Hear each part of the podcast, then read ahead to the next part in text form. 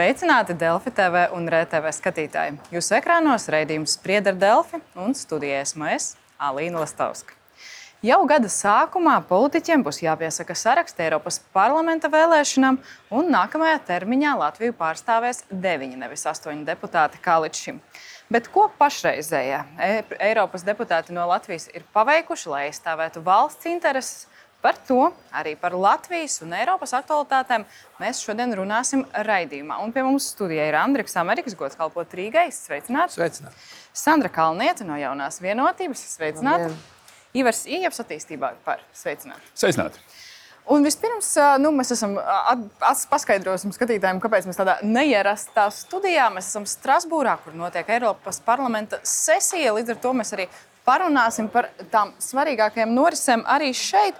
Bet tas, par ko es gribētu sākt, nu, mēs zinām, viens no tādiem aktuāliem jautājumiem šonadēļ arī Eiropas Eiropa padome notiek, un Eiropas līderis spriež par Ukrainas nākotni virzību uz Eiropas Savienību.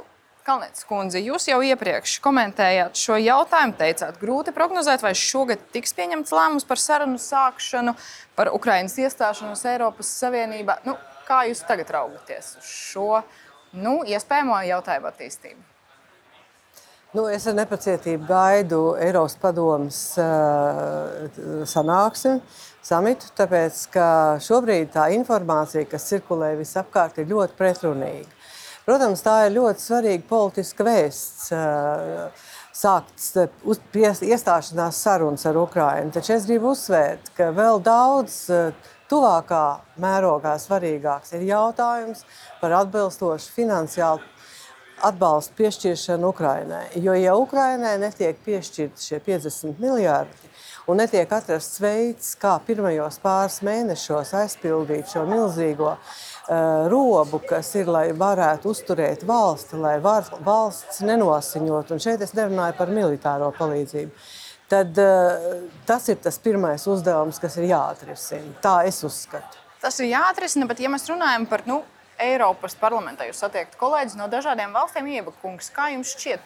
Nu, tā vienotība, bija, kas bija sākumā starp deputātiem atbalstā Ukrainai, uh, kļūst nu, tāda mazāka. Tā Tur tā nelaime, ka vārdos viņa noteikti nemazinās. Cits jautājums, kā tas izpaužās darbos. Un tas ir tas, ko mēs redzam, diemžēl, šobrīd valdību līmenī, kad nu, Ungārija ir tā valsts, kas atklāti atļaujās bloķēt gan šo palīdzību, gan uh, nu, Ukraiņas kandidātu valsts statusu. Es ceru, ka to izdosies kaut kādā veidā atrisināt, tāpēc ka mūs jau interesē ne tikai Uh, Ukraiņas militārā spēja mūs interesē, lai viņi arī spētu funkcionēt kā viena pilnvērtīga valsts, uh, kamēr notiek šī Krievijas agresija. Un uh, es domāju, ka nu, tas lēmums nu, būtu absolūti nepieciešams šonadēļ. Tādā veidā, lai mēs varam patiešām godīgi paskatīties acīs uz Ziemassvētkiem un pateikt, ka mēs esam darījuši visu, lai palīdzētu Ukraiņai uzvarēt. Tad jūs prognozējat drīzāk, ka būs vienošanās šonadēļ? Man ir zināms aizdomas par to, ka tā vienošanās varētu nebūt tik vienkārša. Man, diemžēl, nav pārliecības, ka Ukraina ir vienīgā. Es atvainojos, Ungārija ir vienīgā, kas vēlas to jautājumu kaut kā paraustīt uz vienu vai otru pusi. Nu, abas šīs lietas ir vienlīdz svarīgas, tāpēc ka iestāšanās sarunu sākšana tas ir ļoti svarēn, svarīgs politisks akts. Savukārt, tie 50 miljardi ir ekonomiskā palīdzība Ukraiņas budžetam. Man ir zināms aizdoms, ka to varētu mēģināt kaut kā raustīt, proti, iedot vienu un savukārt otru neiedot. Mm -hmm. es, nu, tādā ziņā galīgi neesmu sajūsmā par to, kā Eiropa padome strādā. Jo viņi, atšķirībā no Eiropas parlamenta, strādā aiz slēgtām durvīm. Viņi taču nepieņem atklātus lēmumus, un kas tajā krāsainajā telpā ar to jocīgo grīdu notiek, to mēs nekad beig beigās neuzzināsim. Amerikungs, kā jūs raugaties uz gaidāmajām šodienas sarunām, un jūs sagaidat, ka būs tādi nu, izšķiroši lēmumi, un tādi, uz kurus jūs arī būtu gatavs atbalstīt? Es domāju, ka Eiropas paplašināšana tas vispār kopumā ir eh, diezgan liela. Šodien tāds karstais kartupēlis visai Eiropas Savienībai. Neiet jau runa pat tikai par Ukrajinu un Moldovu, iet runa par Balkānu valstīm, par Ziemeļmaķedoniju un Albāniju. Un e, šī Eiropas Savienības paplašināšana, tā būtībā ir Eiropas Savienības reformēšana. Un man ir jāpiekrīt tas, ka šajā pirmajā solī bez šaubām būtiskākais ir šis finansiālais atbalsts, kas ir nepieciešams. Jo tas lielā mērā noteiks, vai vispār šo valstiskumu un visu to, kas ir nepieciešams šobrīd Ukrainai vai arī Moldovai, mēs spēsim eh, arī atbalstīt. Bet, ja iet runa par paplašināšanu kā tādu, mēs zinām, ka nu, piemēram ar Turciju jau 30 gadus notiek sarunas. Ja, un, Un tas lielā mērā šīs paplašināšanas mehānisms, to, ko es redzu šeit, ja, viņš rada ļoti daudz jautājumu nākotnē par lēmumu pieņemšanu. Bet jūs prognozētu, ka arī sarunas par Ukraiņas iestāšanos? Es domāju, ieaugs? ka Ukraiņa, tāpēc eh, man jāpiekrīt, ka šodien nav tikai viena Ungārija. Patreiz ir Austrija, pagaidām ir Slovākija, ir daļa šodien no Eiropas Savienības valstīm, kas ir skeptiskas eh, vienkārši par procedūru. Jo realitāte vēlreiz es atkārtošu, jo šodien 27 valstis nevar uh, reizēm vienoties un liek veto un dažādas citas šķēršļus lēmumu pieņemšanā. Tikko Eiropas Savienība kļūst lielāka, par ko tagad ir tā lielā debata, ka vispār ir jāpārskata viss tas Eiropas dibināšanas līgums, jo tur tas veto tiesības un daudz kas cits. Es domāju, ka lielā mērā tas būs divu sadaļu jautājums šobrīd Eiropas padomē. Viens, tas ir, kā mēs šī budžeta ietvaros spējam uh, atbalstīt uh, finansiāli, uh, kas ir šodienas būtiskākais jautājums. Bet, ja runā politiski, tad, manuprāt, ir jautājums bez šaubām uz to, vai mēs tikai vienu vai divas valsts sakām, par kurām uzsākt sarunas bet tikpat labi Moldova saka, vai arī, arī Balkāni saka, un, un tā tālāk. Realtāte ir tāda, ka Eiropa šodien reformējas. Kā viņi reformēsies, to mēs nezinām. Un, un lielā mērā tas būs atkarīgs arī no nākamajām Eiropas parlamenta vēlēšanām. Protams, bet jūs arī te, nu, esat izteicies partijas kongresā, ka pēdējos gados Eiropas Savienībā ir notikušās būtiskas izmaiņas. Nu, un rezultātā ar vien grūtāk ir uzturēt vienotas vērtības. Jūs paliekat Jā. pie šīs domas. Pie tā, un vēl vairāk es pasaku par to, ka arī to, ko saka piemēram Vācijas kanclers šodien, ka neviena no tām valstīm, kas stāsies iekšā Eiropas Savienībā, nebūs Eiropas Savienības donoru valsts. Viņas visas cerēs e, saņemt vairāk, līdzīgi kā Latvija iemaksā vienu eiro un dabū vairāk, divu ar pusi vai cik eiro atpakaļ. Arī šīs valstis, kuras stāsies un kuras būs gatavas būt šajā vienotā telpā, būtībā viņas pirmajā posmā noteikti nebūs neviena nebūs donoru valsts. Tas nozīmē, ka arī tas ir jautājums, par ko ir jārunā. Es, es tomēr gribētu uzsvērt, Andri, ka šoreiz, līdzīgi kā tas bija tad, kad Eiropas Savienība paplašinājās 2004. gadā, un arī Latvija bija starp tām valstīm, tas bija ģeopolitisks lēmums, Jā, kurš izrietēja no tās katastrofālā katastrofas, ko piedzīvoja 9.11. gan Amerikas Savienotās valsts, gan kara Rietumu Balkānos. Mhm. Taču tas solījums, ko deva Rietumu Balkāniem 2006. gadā, tas netika izpildīts. Un tagad ir sācies nākamais cēliens. Tātad Rietumbalkāni, Ukraina un Moldova. Jā. Un kaut kur tur Gruzija. Un arī šis ir ļoti nozīmīgs ģeopolitisks lēmums par Eiropas nākotni. Protams, nauda un reforma tās ir daļas, bet arī toreiz, kad mēs stājāmies, ja es atsaukšu atmiņā, ka bija pirms tam notika konvencija kurā tika uh, ielikti pamati tā reformai, uh, kas beidzot ar Lisabonas līgumu, jeb papildinājumiem pie pamatlīgumiem, uh, sāka darboties. Neapšaubām, ka mēs nonāksim gan pie kvalificētā vairākuma balsojuma, Bet tas, nu, tas jautājums ir, kad mēs nonāksim arī. Es domāju, ka arī šīs paplašināšanās sarunu sākums, vai tas būs decembrī vai janvārī pieņemts lēmums, Tas jau ir spiediens vienoties dalību valstīm par reformām. Šobrīd pašlaik kuluāros cirkulē vismaz pieci dažādi tā saucamie uh, memo par to, kāda reforma varētu būt. Un tas ir ļoti labi, jo tas apliecina, ka ļoti aktīvi tiek domāts, kas ir izdarāms un kas nav izdarāms. Un uh, viens no tiem tādiem ļoti grūtiem jautājumiem, arī ko Andris pieminēja, ir līguma mainīšana. Bet ir iespējama arī reforma bez līguma mainīšanas gadījumā, ja visas dalību valstis piekrīt. Šobrīd izstāsta, ka, ka ne. Ungārijas dēļ tas nebūs iespējams. Vēl viens jautājums ir sankcijas, kas arī saistīts ar Ukrainu un to atbalstu nu, graudu importu. Aizliegums Eiropas Savienībā. Nu, pēc zemkopības ministra izteikumiem diezgan cerīgi. Jūs arī domājat, Ieba kungs, ka to mēs panāksim drīzumā? Tā ir tā lieta, pie kuras ir jāstrādā. Tā skaitā arī šeit, Eiropas parlamentā. Bet skaidrs, ka no graudu importa aizliegums ir tikai viena neliela daļa no tās kopējās sankciju politikas. Un šobrīd, protams, tas, kā priekšā mēs stāvam, ir izpratne par to, ka liela daļa no tām sankcijām, kuras mēs esam ieviesuši pēdējo, šī 12. pakete, ne, kur mēs taisamies ieviest, ka lielākā daļa no viņām tiek apietas pie tam visnekaunīgākajā veidā. Nu, tur mēs zinām, ka ir labi attiecībā uz mikroelektroniku, kas ir Krievijas raķetēs iekšā. Eh, tās eh, schēmas eh, šobrīd nonāk Krievijā ne tikai tādas, kuras ir ražotas Ķīnā pie Huawei vai kaut kādiem tam līdzīgiem, bet tur nonāk schēmas, kuras ir ražotas IBM. Apiešanu un neievērošanu esam runājuši, bet jā, jā, nu, ko nu. mēs varam darīt?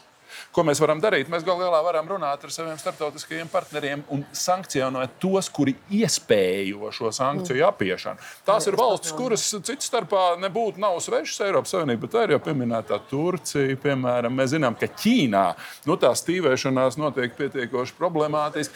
Un, eh, nu, es ceru, ka tā arī būs viena no tām lietām, par kurām tiks runāts Eiropas padomē, tās 12. sankciju paketes ietvaros. Jo tagad nu, tas, kas izskan mēdījos, ir tas, ka mēs ieviesīsim dimantu. Okay importam sankcijas un to aizliegsim. Skaidrs, ka tā ir pavisam neliela un ļoti nepietiekama politika attiecībā uz Krievijas budžetu. Jo, ja mēs paskatāmies, kas notiek ar viņu naftas ienākumiem, kas ir viņu nu, ogļūdeņražu milzīga sastāvdaļa tajā viņa bruņošanās budžetā, tad Eh, tad Krievijas budžets, diemžēl, jūtas pārāk labi un ļoti nelielā mērā jūt to, ka viņš tiek sankcionēts. Un beig beigās, ja mēs gribam kaut kādā veidā palīdzēt Ukraiņai, arī samazinot Krievijas ekonomisko jaudu un viņas militāro industriālo kompleksu skarot, tad pie tā būtu jādomā krietni, krietni stingrāk. Bet arī tādas lietas, nu, gal galā. Jādomā mums, krietni jā, jā, no, no. stingrāk, ja kungs skaidrs.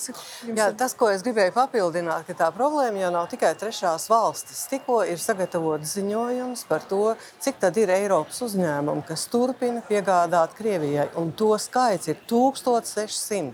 Jo šogad mēs esam iegājuši otrajā gadā. Pirmajā gadā bija tāds vilnis, ka nu, tagad ar Krieviju vairs nē, eh, un eh, nekas uz eiro, eh, uz ārpus arī nē.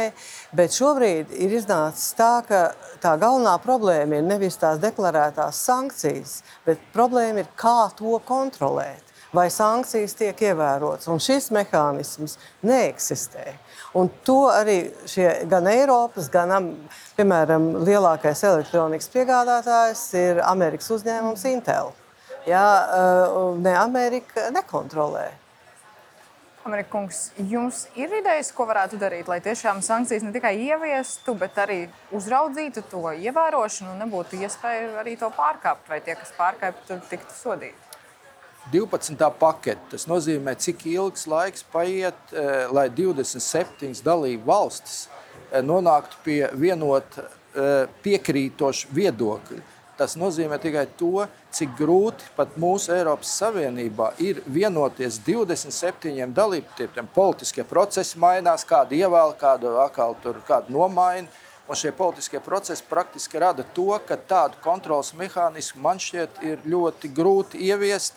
Tāpēc, ka mums nav vienota valsts, mums ir 27 valstis, ieskaitot, kā mēs tagad runājam, Ungāriju, Slovākiju un, un varbūt vēl kādu Austriju, starp citu. Un tas viss rada pietiekoši lielu sarunu. Es domāju, ka ja tik līdz 12. paketē mēs nonācām ar dimantiem, ar dimantiem nu tad pa graudiem Vai būs iespēja vienoties? Es esmu ļoti skeptisks. Es ļoti atklāti teikšu, jo būtībā ir jāsaprot tas, ka te ir jābūt vienotai nostājai. Un, ja ir vienota nostāja, tad, tad, tad ir saprotams, kādā veidā mēs to darām. Vēl, vēl jau vairāk, ka tiešām šodien pasaule ir mainījusies ģeopolitiski. Caur Eiropu šodien tiek mm. virzīti graudi uz Brazīliju, es nezinu, uz Brazīliju, uz kaut kādu uz Āfrikas nu, atbalstu lielā daļā. Un tas atkal ir vesels apvienoto nāciju organizācijas funkcija. Un kāda tagad mēs eh, to nu, apturēsim, to Āfrikas atbalsta programmu? Tad jūs ļoti... sakat, ka drīzāk neizdosies vienoties. Drīzāk neizdosies. Uh, es domāju, ka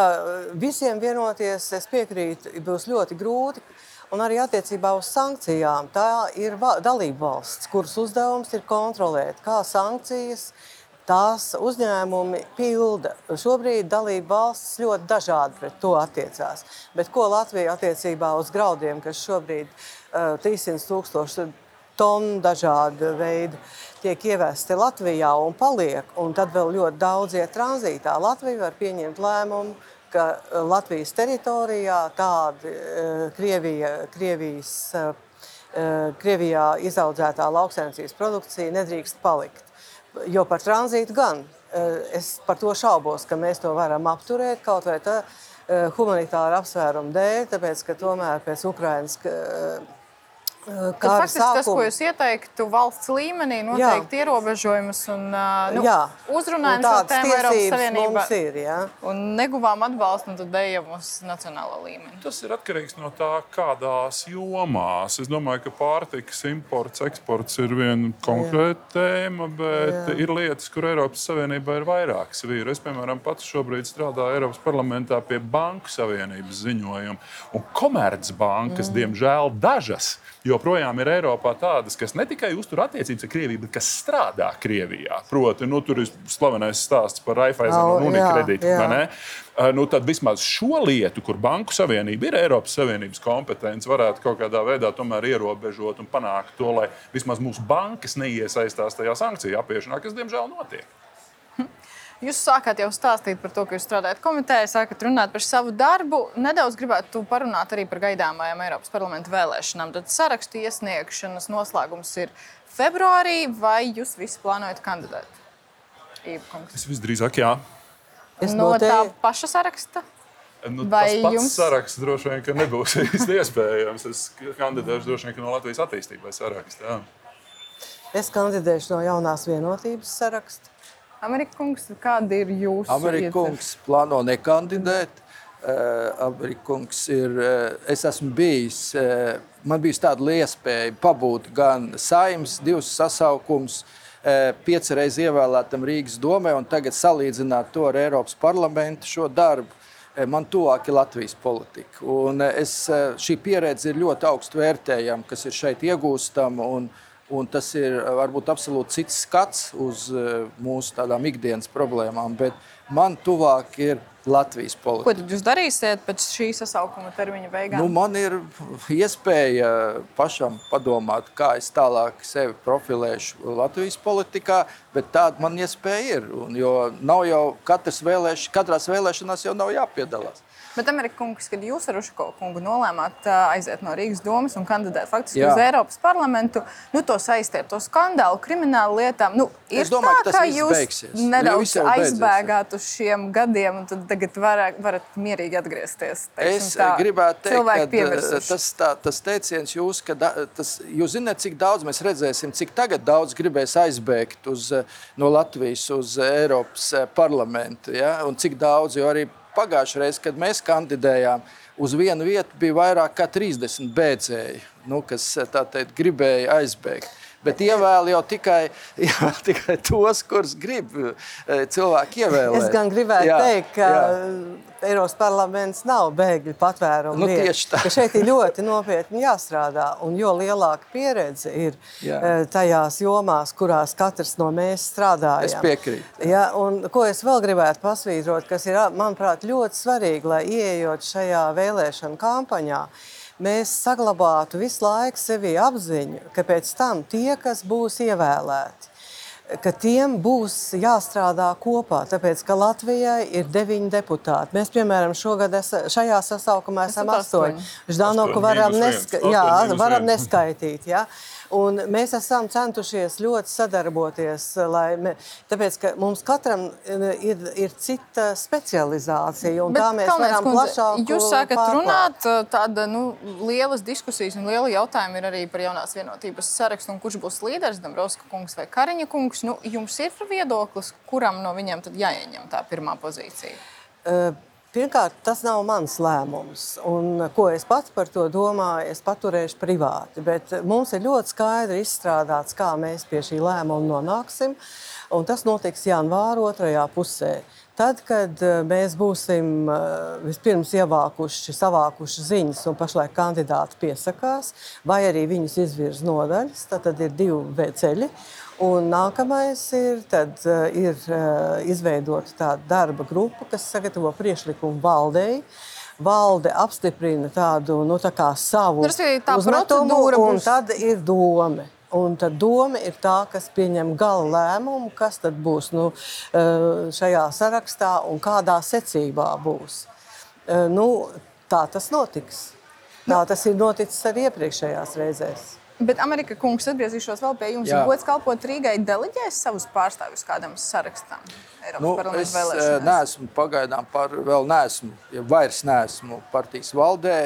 Partijas priekšsēdētājs ir teicis, ka viņš ved sarunas ar ZZS, kuru šobrīd ir parakstīts līgums. Uh, Eh, šādi priekšlikumi no ZZS nav saņemti. Nu, tad eh, visādā ziņā es gribētu teikt, ka arī gods kalpot Rīgai tomēr arī vairāk ir eh, municipāla partija. Un viņi vairāk ir orientēti ne uz Eiropas politiku. Bet to pieredzi, ko varētu gūt šeit, tas būtu ļoti vērtīgi.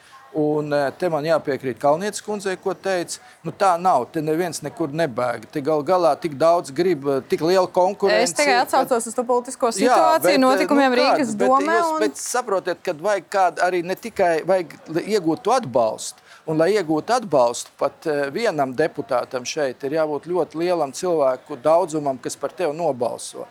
Un tas, ka mēs šeit iegūstam šo pieredzi, un pēc tam varbūt viņu izmantojam Latvijā, īstenībā, manuprāt, tas arī ir lielā mērā liels iegūms. Ja? Jo skatīties no šī, varbūt eh, no Eiropas Amerikungs, puses un atgriezties jūs... atpakaļ, tas ir labāk. Es tad pārjautāšu, jūs sakat par Eiropas pieredzi Eiropas parlamentā, ko izmantot. Nu, jūs sakat, jūs esat municipālā partija. Kā jūs praktiski redzat, kā jūs to pieredzat? Es, es esmu municipālās partijas ierindas biedrs uz šo brīdi. Nē, esmu ne valdē, ne arī vadībā. Nu, Līdz ar to es varu pieņemt personīgi arī savu lēmumu, kā es tālāk veidošu savu politisko karjeru. Tas nav obligāti jāsaista tikai ar šādu municipālo jautājumu risināšanu. Uh, Īva kungs, kā jūs vispār raugaties uz to, cik liela konkurence būs šajās Eiropas parlamenta vēlēšanās? Nu, es domāju, ka konkurence būs nopietna.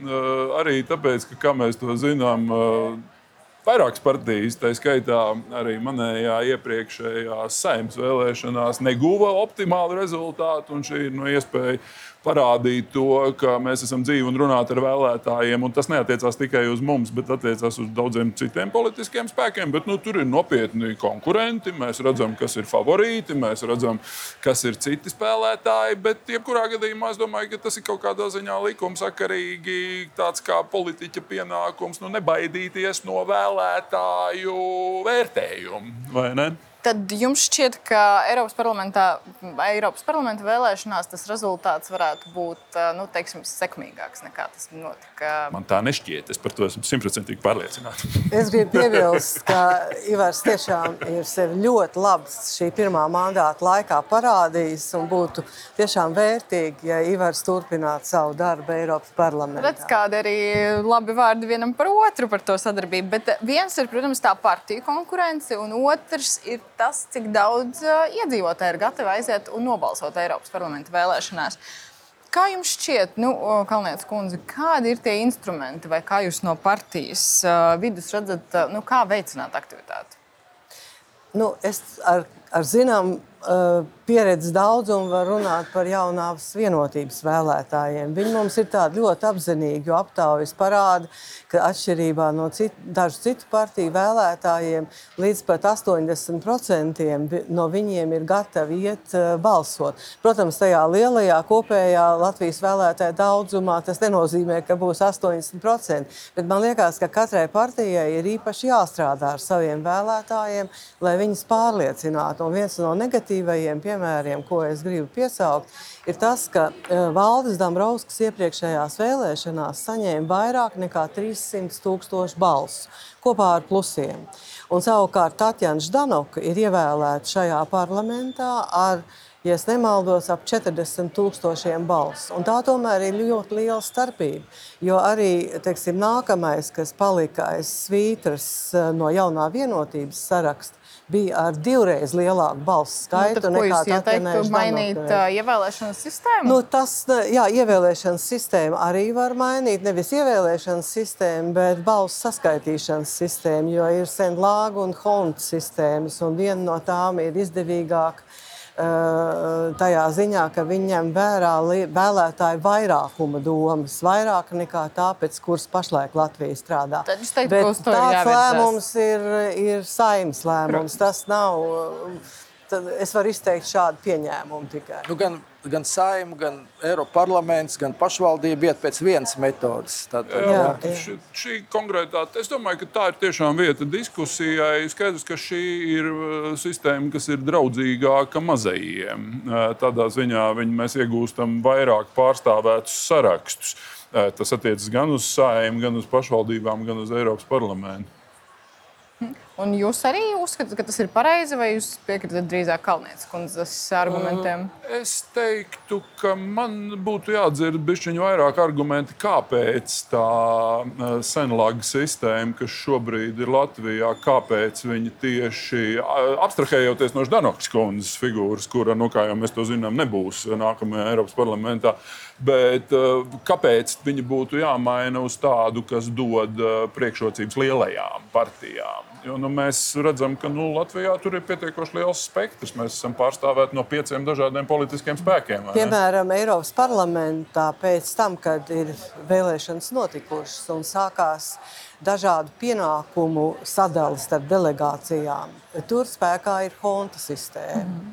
Un es neteiktu, ka tā mazie, mazajām valstīm atņemtu iespējas būt pārstāvētiem. Parlamentu priekšsēdētāji ir no Maltas. Ja? Un es septiņu ar pus gadus biju Eiropas Tautas partijas ārlietu Nu, par to, vai Latvija ir izredzes uz augstiem amatiem, mēs vēl parunāsim. Bet, Amerika kungs, nu, jūs kampaņā nepiedalīsieties. Bet, nu, kāds ir jūsu- brīvāk runāt Jā, kāds ir jūsu skatījums tad no malas? Nu, ko mēs varam darīt, lai cilvēkus pārliecinātu vai atgādinātu viņiem? Es domāju, ka mums abām rokām vajag saņemties un izdarīt vienu lietu, lai tie cilvēki varētu balsot jebkurā iecirknī. Man tas šķiet vissvarīgākais, lai cilvēkam, kurš varbūt šobrīd nav tajā vietā, kur ir deklarējies, strādā varbūt citur, viņš spētu nobalsot. Jo, jo man ir liels bažas, ja mēs atkal aiziesim akmens laikmetā, kā šobrīd izskatās, ar vēstulēm un tikai ar piesaistīto vienu deklarēto dzīvesvietas adresi tad eh, tas rezultāts varētu būt vēl bēdīgāks nekā viņš bija uz šīm vēlēšanām. Un tas, manuprāt, ir tas, kur mums būtu ļoti jāsaņemās visiem tiem, kas par to atbild. Lai eh, cilvēks varētu izvēlēties, ja viņš arī šobrīd ir Liepājā vai Rezeknē, viņš varētu nobalsot.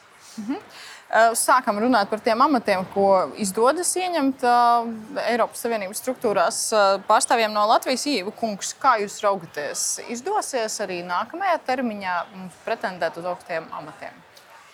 Uh, nu, tas ir atkarīgs no tā, uh, ko Latvija virzīs. Jo tas attiecas, starp citu, arī uz to pašu NATO ģenerāla sekretāru, arī uz Eiropas padomus priekšsēdētāju, nu, arī uz Eiropas parlamentu priekšsēdētāju.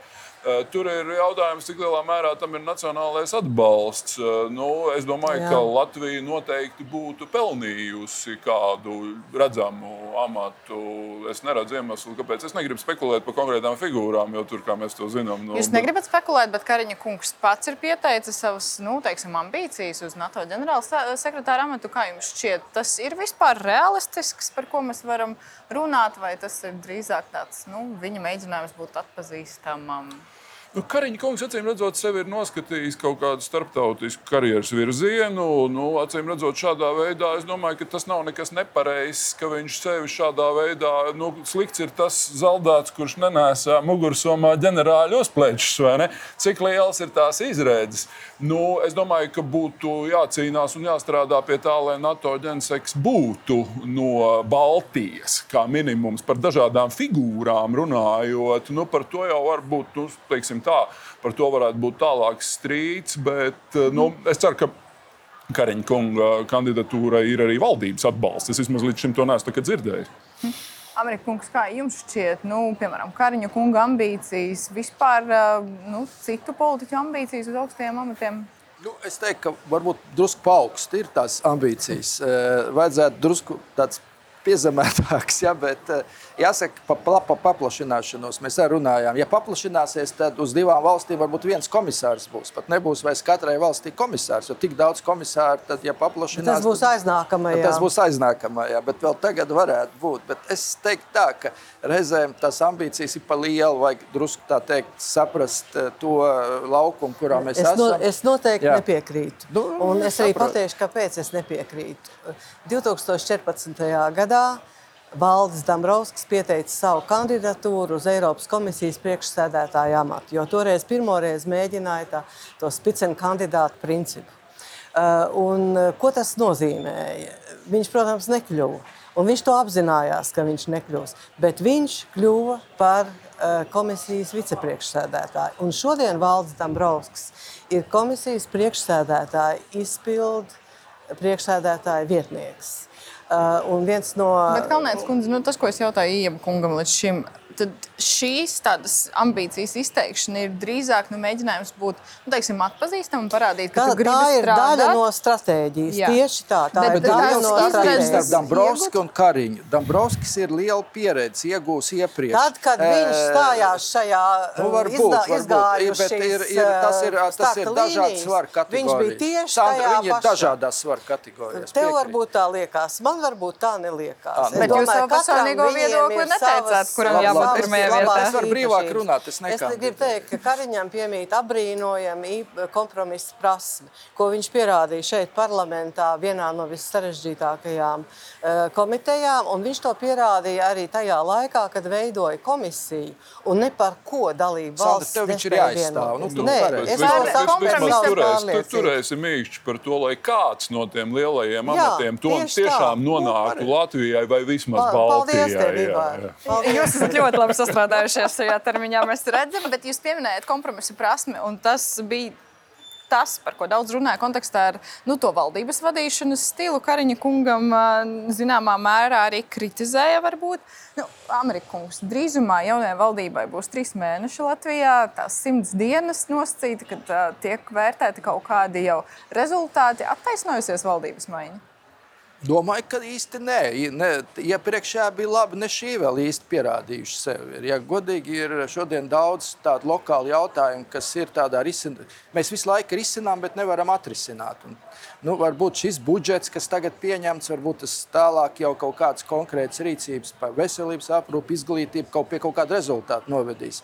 E, Pagaidām man šķiet, ka lielā mērā mēs ļoti daudz runājam, bet maz darām. Bet tas ir mans subjektīvs viedoklis. Protams, es no jums arī šejienes. prasu viedokli Jā. kā politiķim, Jā. un arī jūs noteikti sekojat līdzi, nu, ja jūs atsaucaties tām budžeta diskusijām.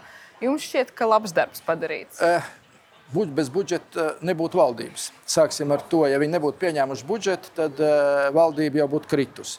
Bet uh, ir skaidrs viens. Liela atbildība šobrīd ir manai kolēģiem vienotībai, kas vadīja gan iepriekšējo valdību, gan šo valdību. Nu, viņiem tikai tie divi partneri mainās. Viņi vispirms dejoja vieniem, tagad ar otriem. Nu, nu, lai Dievs dod, ka tas Latvijai nes kādu labumu. Nu, Kalnietis kundze raugoties uz to no Eiropas, teiksim, tā Es, es teikšu, nevis ka- tā subjektīvi, bet tā objektīvi. Jo, ja mēs paņemam valdības deklarāciju, tad no šīs deklarācijas sešas lietas jau ir izpildītas. Sadales tarifi ir atrasts. Varbūt nepilnīgs, bet kompensācijas mehānisms. Pēc tam uh, ir banku konkurence, uh, ieviesti noteikumi, kādā veidā var uzlikt ierobežojumus klientiem. Nākamais ir banka peļņas nodoklis. Istanbuls konvencija, Stambuls konvencija, ratificēta. partnerattiecības, Jā, partneri. mēs, Un ā, tās ir sešas lietas, kas arī pierāda, ka šī koalīcija ir Šī ir labāka par iepriekšējo. Tā iznāk. Nu, jā, vai tad tu negribi teikt tā? Amerika kungs, jūs varat droši atbildēt uz šo repliku, vai ir tā vai nav tā. Jūs sakat, bet ka es nē. gribu pateikt, ka Es ir šajā pa trim koalīcijā. mēnešiem es vēl tā nevaru apgalvot. Es gribētu Jā. pagaidīt vismaz uh, simts dienas. Nu, vēl nav pat Simts dienas jau ir. Simts dienas ir jau. Jā. Jā. Es domāju, Ir jau, ka. nu, Nu, um, Raugoties uz to valdību, ka jebkuru jaunu valdību viņai vajadzētu kaut kādu zināmu uzticības kredītu un tā tālāk, ko es arī nenoliedzu. Cits jautājums ir paraugās uz to budžetu. Eh, Tad es domāju, ka tas budžets ir ļoti lielā mērā arī nu, tikpat labi arī Kariņa valdības budžets. vai ne? Bet raugoties uz priekšu, nu, es zinu, ka tikko amatā eh, šogad ievēlētais valsts prezidents ir uzstādījis to latiņu uz 2030. gada Eiropas Savienības vidējais IKP. Nu, eh, tajā budžetā ir diezgan šobrīd pagrūti saskatīt kaut kādus soļus, kas šajā virzienā ļoti strauji virzītos. Nu, mēs varam pieņemt, ka varbūt ne, tu, nu, nākamais uh, valsts budžets uz 25. gadu būs kaut kas skaidrāks. Jo nu, tur ir vesela virkne lietām, kas šobrīd ekonomikā varētu būt vienkārši labas un darāmas, lai mēs tiešām to izaugsmu dabūtu. Jo tā izaugsme jau mums ir šogad joprojām recesija. Un, nu, tur ir, piemēram, Recesija nav. Bija iepriekšējos divos kvartālos bija recesija. Bet Bet, tas, ko nu, jā, jā. tas, ko Kalnietis kundze uzskaitīja, to, tos sešus darbus, ko arī solīja valdība mainoties, nu, jums šeit arī turpmāk valdība virzīsies raiti ar saviem darbiem. Piemēram, mēs zinām, priekšā ir ļoti nozīmīgs nodokļu reformas jautājums, par ko runāja vecā valdība. Tad uh, tas darbs tika nu, neturpināts. Atkal ir darba grupa, ir jābūt kaut kādai izlēmībai. Kā jums šķiet? Nu, ņemot vērā to, ka mēs ļoti daudzos jautājumos mīlam sekot Igauniem, un Igauni savu nodokļu reformu ir jau pieņēmuši, nu, varētu pieņemt, ka mēs arī tajā pašā virzienā dosimies, vai tas būs ļoti ātri un efektīvi. Nu, redzēsim. Man liekas, ka tas, kas šobrīd nodokļi, ir pietiekoši skaidra un vajadzīga lieta. Un tur patiešām ir daudz kas reformējams. Jautājums ir par tiem izaugsmas rādītājiem. No kurienes nāks Latvijas ekonomikas izaugsme tuvākajā laikā? Kā mēs uh, stimulēsim eksporta spējīgās nozares, kā mēs atbildēsim uz tiem diviem izaicinājumiem, kas, manuprāt, šobrīd ir Eiropai, ne tikai Latvijai. Jā, priekšā teikt. viens no tiem ir, protams, aizsardzības industrija, kas ir uh, svarīga lieta, kas mums ir jāatjauno, ņemot vērā Krievijas agresiju. Un otra lieta ir mākslīgais intelekts. Kā mēs ar šīm divām lietām strādāsim arī tādā valdības līmenī, Un neatstājot to? Jums šķiet, ka šī valdība varētu tikt galā ar šiem izaicinājumiem, vai mē, vismaz mēģināt to darīt? Es domāju, ka tas ir viņa pienākums to darīt. Nu, viens tāpēc, ir jautājums ka, par nu, vada valsti. pienākumu, otrs ir jautājums par to kapacitāti vai spējām Kalnietes kundze. Jā, es ne tik daudz par tām spējām, bet es gribu piebilst, kas ir ļoti svarīgi, lai šī valdība būtu lemt spējīga un arī saimnes koalīcija būtu lemt spēja. Jo tas, kas Bet notika tas vairākums ir ļoti, ļoti trausls Bet iepriekšējā viņš nebija daudz netrauslāks.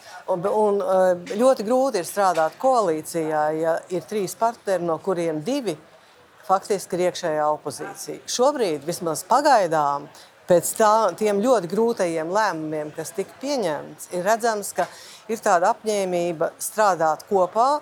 Un es pieļauju, ka tā uh, turēsies līdz pat nu, priekšvēlēšanu laikam saimā.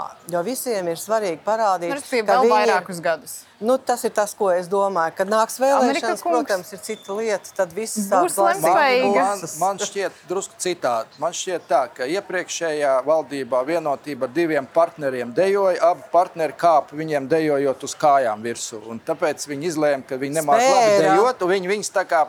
Tā kā palika malā. Andri. A, tagad, tagad ir tā, ko saka arī Sandra, ka šitie nekāpj uz kājām ap divu. Tagad viņi visi dejo vienā ritmā. Tagad ir līnija dejas. Tagad ir līnija dejas. Es teiktu, ka man Letkis. pagaidām es lielu starpību neredzu. Es eh, tiešām gribētu, lai Latvijā būtu daudz pārmaiņu, kas dod cilvēkiem labumu, bet to mēs redzēsim. To mēs tiešām. noteikti visi Jā. gribam tādos lielos. ā, Te, tādos uzdevumos vai mērķos mēs visi varam ir vienoties. šobrīd atrasti dejotāji, kur dejo līniju deju. Bet tā jau ir Bet Latvijas viss mūsu šodienas sarunas laiks, diemžēl, ir beidzies. Nākamajā reizē vēl turpināsim diskusiju. Paldies jums par šo sarunu.